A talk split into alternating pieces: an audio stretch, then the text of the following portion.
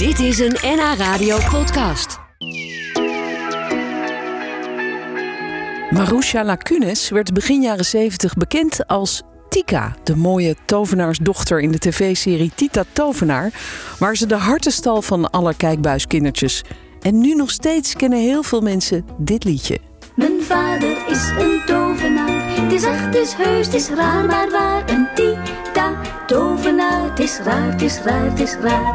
Hij heeft het ook aan mij geleerd. Maar soms gaat het wel eens verkeerd. En gaat het niet zoals ik wil, dan doe ik dit. En alles staat stil. Ja, met die magische woorden zette Tika de tijd stil in de tv-serie. Maar ja, die serie die werd uh, maar twee jaar lang opgenomen en gemaakt, maar nog jarenlang heel vaak herhaald. Zodat de actrice Marusha Lacunes die rol eigenlijk altijd met zich heeft meegedragen. Over haar leven heeft ze een boek geschreven, een autobiografie met de titel De Tovenaarsdochter. En vandaag is ze bij ons te gast, Marusha. Ik vind het echt leuk dat je hier bent vandaag. Uh, komt Tika nog regelmatig ter sprake in jouw leven? Spreken Oh. mensen jou erop aan of vertel jij het zelf nog veel? Eh, voortdurend en de laatste tijd begin ik er zelf ook nog wel eens over. dat deed ik nooit, maar op een of andere manier opent het deuren en gezichten. En het is, eh, ik heb er nu gein in. Ja, en ho hoezo opent de deuren? Leg, kun je eens een voorbeeld noemen? Eh, eh, eh, nou, bijvoorbeeld met dit boek. Ik hoop dat eh, de tovenaarsdochter, die trouwens niet alleen op mijn rol slaat als Tika, maar ook op de, om, omdat ik een dochter ben van een soort tovenaar die mijn echte vader was. Maar eh, ik hoop dat de mensen die er ooit naar gekeken hebben, geïnteresseerd zullen zijn in wie ik werkelijk ben. ja. Eh, daar wordt wel eens naar gevraagd wie is nou die eh, actrice die. Nee, eigenlijk, wie, wie is Tika eigenlijk? Nou, dat vertel ik hier nu. ja, dit boek gaat echt over jouw leven. En ook Ja. natuurlijk over die belangrijke rol, Tika. Althans, ja, gek genoeg. eh, Je was begin twintig hè, toen je haar speelde. Het duurde, ja. maar, ja, duurde maar twee jaar. Ja. Maar hoe belangrijk is die rol voor jou geweest in je verdere leven? Hoe, hoe belangrijk? Ja, Hij is altijd aan me blijven plakken. Ik heb er natuurlijk nooit meer iets mee te maken gehad. Ik heb twee jaar opgenomen en daarna nooit meer. ja. Maar eh, iedereen herkende mij daar nog van. ja. Heeft dat jou ver- verrast eigenlijk? Toen je daarmee begon, toen je in die serie stond... had je toen kunnen bedenken dat mensen 20, 30 jaar later nog steeds zouden zeggen... hey, nee, nee, voor geen meter. Nee. het is bizar, het is raar. Kijk, ze hebben het over, en daar hadden, hadden wij het ook over, over het zwiebertje-effect. Dat wilden we ook eh, graag voorkomen. Ja, daarmee bedoel je eigenlijk Joop Doderer, die eh, eigenlijk voor de Die- rest van zijn leven zwiebertje Die was. ze de, de rest van zijn leven zwiebertje bleef. Ja. Maar hij heeft ook een groot deel van zijn leven zwiebertje gespeeld. En ik niet. Nee, het was maar twee jaar. Het was maar twee jaar. Ja, en toch is die rol niet. altijd Ja. bij jou gebleven. Ja. En is het altijd een deel. En je schrijft wel heel liefdevol over haar, over Tika in jouw ja, boek. natuurlijk. Ze, ze is toch wel echt een deel van jou geworden, denk ik. Ze is een deel van mij. Ja. Ja. Ja. Je hebt een, eh, een boek geschreven over jouw leven, omdat je inderdaad eigenlijk wilde laten zien dat er meer was in jouw leven dan alleen Tika. Ehm, daarin schrijf je ook over, eh, over jouw jeugd en over het, eh, het slechte huwelijk van jouw ouders. Het is een heel open boek geworden. Ja. Wa- Waarom wilde je daarover schrijven? Ik wilde het niet zo, maar het was een noodzaak. Ik moest schrijven daarover. Ik wilde al langer over een autobiografie schrijven, maar op een gegeven moment eh, bleek dat ik alleen over was. Een korte tijd na elkaar zijn de laatste drie overleden. Dus eh, mijn broer, drie weken later mijn zus, zonder dat ze het van elkaar wisten. En een jaar later, of een dikke jaar later, mijn vader ook. En toen dacht Ja. ik, nou moet ik daarin duiken. Er blijven zoveel vragen over. Ik, eh, ik wil weten hoe het geweest is en waar ik over gezwegen heb. Wat was dat? Ja. Ja, er zijn heel veel dingen waar je heel lang niet over gepraat hebt. Die, Ja. die, die vertel je allemaal in het boek. En dat begint dan met het, het, het moeilijke huwelijk tussen jouw ouders. Wat heel mooi begon als een soort sprookje. Maar Ja, ja, al snel kwamen daar barsten in. Er waren heftige ruzies. En, en jij had als kind eigenlijk het gevoel eh, dat je er tussenin zat. De- Had jij het gevoel dat je gedwongen werd om een soort keuze te maken voor je vader of voor je moeder? ik had die keuze. Ja, die keuze moest ik maken. Die werd me ook afgedwongen op een gegeven moment. En eh, de keuze die ik gemaakt heb, omdat ik het moest, hè, we- we- er werd letterlijk uit me getrokken, eh, die heeft die is me mijn leven lang kwalijk gebleven. Uh, hebben ze me mijn leven lang kwalijk genomen. Ja, want ja. kun je dat vertellen, uitleggen hoe dat gegaan is? Ik koos voor mijn vader op dat moment om, ja, om kinderlijke redenen. Ik was elf en uh, ik moest kiezen. Wat zou je doen indien, hè, als we uit elkaar zouden gaan, dat gaan we niet, maar het zou kunnen als het gebeurt. Wie, voor wie je moet het zeggen. Dat is toch een uh, onmogelijke opgave voor zo'n kind niet. van elf? Nee. Dat kan niet. Ja. En ik koos dus voor de gemakkelijkste, de, uh, de, de, de luchtigste, de oppervlakkigste. Ik koos voor mijn vader op dat moment. En ja. jouw moeder heeft je dat nooit echt kunnen vergeven? Dat, dat heeft haar zo'n pijn gedaan ze heeft zichzelf pijn gedaan daarmee. Dat was, ja. Uh, ja. ja. ongelooflijk verdrietig. En jouw, jouw vader, je zegt ik koos voor de luchtigheid en uh, ja. het, het makkelijke. Jouw vader was een, een heel, uh, ja, hoe zeg je dat, extravert mens. En ik denk dat heel veel van onze luisteraars hem misschien nog wel kennen. Want hij was Toby Rix, bekend van de Toeterrix. Ja.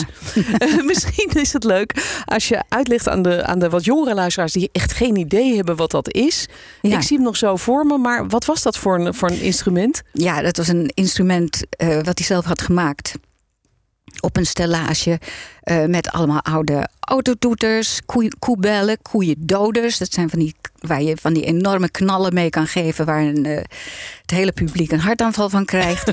uh, bekkens, ja, wat vergeet ik allemaal? Een pistool zat erop. Alles wat knalde en, en herrie kon maken. Ja, dat, ja. En dus heel veel toeters. En, en daar kon en die hij ook. toeters, dus ja, oude autotoeters, ja. ja. En hij maakte er niet alleen herrie mee, maar ook echt muziek, hè? Hij kon er echt muziek mee maken. En ook op een gegeven moment ook klassiek. Hij heeft een, een klassiek nummer daarop. Volgens mij waren het er twee. En is hij er, maar met één is hij beroemd geworden trompetconcert van Haydn speelde hij daarop. Ongelooflijk. Dat kun je terugvinden op uh, YouTube. Ja, ja. ja, grappig. En dat was jouw vader. En die was dus bekend, want die kwam af en toe op tv. Nou, dan was je natuurlijk toch in die tijd gelijk een, een soort grootheid. Ja.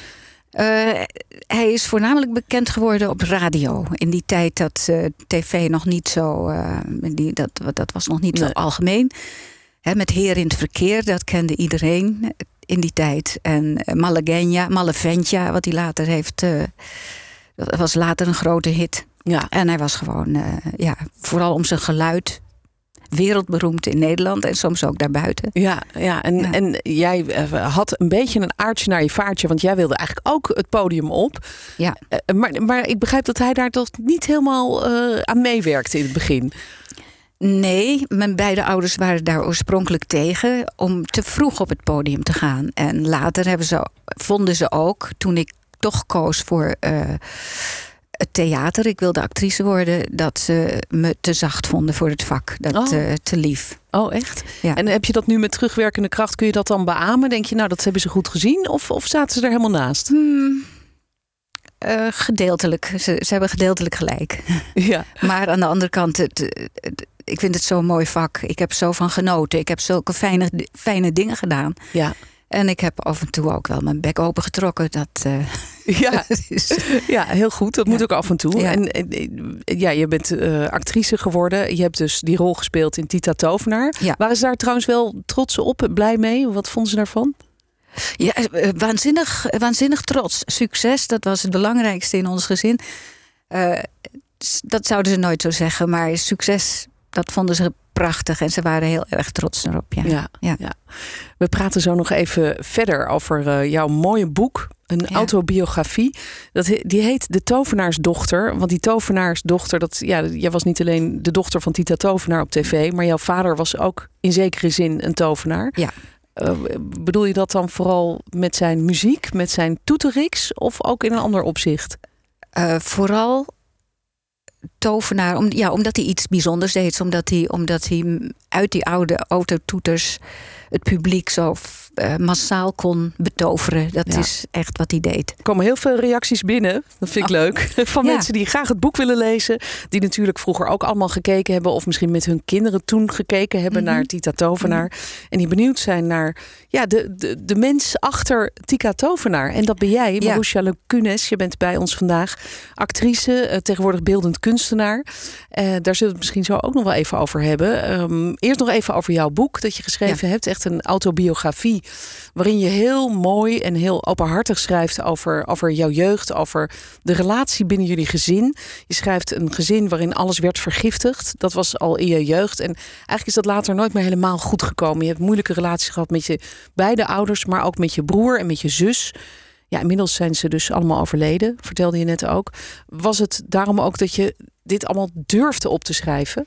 Dat maakte het zeker makkelijk. Ik denk niet dat ik het had gepubliceerd als, uh, als er nog iemand leefde. Nee, dat kan me voorstellen inderdaad. Want je, dan word je misschien toch belemmerd door uh, het idee dat zij dat dan kunnen lezen. Dat ze zou kwetsen.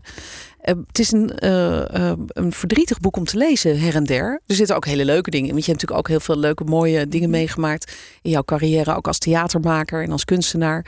Um, maar wat er allemaal mis kan gaan binnen een gezin. En hoe de communicatie verstoord kan raken. Krijg je veel reacties van mensen die het boek nu lezen. die dit, dit soort verdriet herkennen? Voortdurend. Ja? Zelfs voordat ik het boek geschreven had en erover sprak, kwamen al de verhalen los. En nu, uh, iedereen die het gelezen heeft, die heeft, heeft iets over zichzelf te vertellen. En dat vind ik prachtig, want uh, ik heb ook inderdaad dat boek geschreven, niet alleen voor mezelf. Ik heb gehoopt dat dat zou gebeuren. Dat mensen zich erin zouden herkennen, hoewel we dan misschien wel anders waren. Tenminste, dat, zo werd dat in ons gezin gezegd. Ja, nou ja, jullie waren natuurlijk een artistieke familie met, met een, een, een, beroemde vader. En jouw broer, die had ook, hè, dat was op een gegeven moment ook, eh, had hij een hit. En die was ook een, een soort idool. Het was een popidool, uh, pop ja. met, met die ene hit in ieder geval. Uh, en hij heeft ook lang nog gewerkt hier, maar toen is hij naar Duitsland gegaan en is dus uit het zicht van Nederland verdwenen. Ja. Maar daar heeft hij nog behoorlijk uh, gemusiceerd. Ja, ja. ja. Hoe, hoe is het jou verder vergaan eigenlijk na uh, Tita Tovenaar en de tv-serie? Je was toen hartstikke jong. Je bent verder gegaan uh, met acteren. Ja. Je hebt ook een, een eigen gezelschap gehad, hè? Mijn heren. Dat, dat kunnen mensen misschien ook nog wel kennen. Ja, daarvoor eigenlijk ook al. Ja. Uh, samen met mijn man. Dus ik was, ik was al een tijd actrice. En na die tijd, ja uh, was het wel moeilijk om hier en daar nog aan de bak te komen. Maar dat Omdat is me toch gelukt. Was. Omdat ik Tika was. Ja, dat, heeft dus, dat zijn die deuren die af en toe dicht bleven. Van ja, die blonde, dat, dat weten we nou wel. Of ze dorsten het niet aan. Of wat voor, voor reden dan ook. Ik heb. Uh, ja, het heeft deuren gesloten. Maar het is me toch gelukt om uh, hier en daar aan het werk te blijven. En uiteindelijk kwam ik kwam ik in de fringe terecht. Tenminste, dat noem ik dan maar zo. Kun je eens en uitleggen dat, wat dat is? Uh, dat, zijn, ja, dat is het werken in de kleine theaters, in bui, buiten de grote dingen, buiten het bekende ja. werk. Ja. Niet in, de, de aan de randkant, aan de, aan de rand van het, uh, van het theatergebeuren. Ja, dat geeft ook veel vrijheid. Het geeft vrijheid en het is waanzinnig leuk. Ik heb er zo van genoten. En daarin heb ik op een gegeven moment mijn eigen gezelschapje gehad. En uh, heb kunnen doen wat ik wilde. En dat was, uh, ja, was fantastisch. Ja, had je het idee dat het bloed wat dat betreft ook kruipt waar het niet gaan kon? Jouw vader was natuurlijk echt een entertainer. Een, iemand die graag op het podium stond. Ja. Dat in, heb ja. jij van hem misschien? Uh, ja, dat denk ik wel. Dat denk ik wel. In die tijd heb ik ook wat, ja, heb ik ook wel wat variété um, trucs en grappen in mijn, in mijn uh, programma gebracht. Ik vond het leuk om ermee te spelen. Maar het werd geen variété. Ik vond het wel leuk om er uh, iets in te brengen wat uh, daarmee te maken had. Ja, en je hebt ook nog wel eens een singeltje met je vader opgenomen, toch? En ik heb met hem gezongen, ja. ja. Dat, Uh, ja, dat is ook dan ook weer een dubbel verhaal. Maar het was heel leuk om te doen. En hij, mijn vader was zo waanzinnig muzikaal. Hij kon iedereen ook laten zingen zoals hij wilde en zoals het, zoals het goed klonk. Ja. Uh, we kregen natuurlijk toch wel een mot. Maar dat ging dan over andere dingen. Maar dit, het, het zingen ja. zelf en dat plaatje maken, dat vond ik enig. En het, uh, ja, je kunt het nog steeds horen en het, is, uh, het klinkt fantastisch. Ja. En, hij maakt, en hij heeft er een van zijn beste toetrix, toetrix stukken op. Dat, uh, het klinkt fantastisch. Leuk. Ja, dat is, zijn toch ook mooie blijvende herinneringen die je hebt. Ja, die zijn er ook. Ja, maar nu ja. heb je dit boek geschreven. Was het lastig voor jou eigenlijk om zo diep terug te gaan naar die jeugd die zo moeilijk was? En ook de latere relaties die zo ingewikkeld waren? Hmm. Er zijn wel momenten geweest dat uh, emoties natuurlijk uh, terugkwamen. Dat is niet erg. ik heb het niet lastig gevonden. Het was moeilijk om het goed over te brengen, om het eh, over het voetlicht te brengen. Dus zodat de lezer ook begrijpt wat ik voel Ja. en wat er gebeurt. Maar eh, ik, vond het, ik vond het niet moeilijk. Het was een, het was een must, wat ik net zei. Ik moest Ja. het schrijven. Het moest eruit. Ja. Eh, dank dat je hier was, Marusha. Graag gedaan. Dit was een NH Radio podcast. Voor meer, ga naar nhradio.nl. Radio.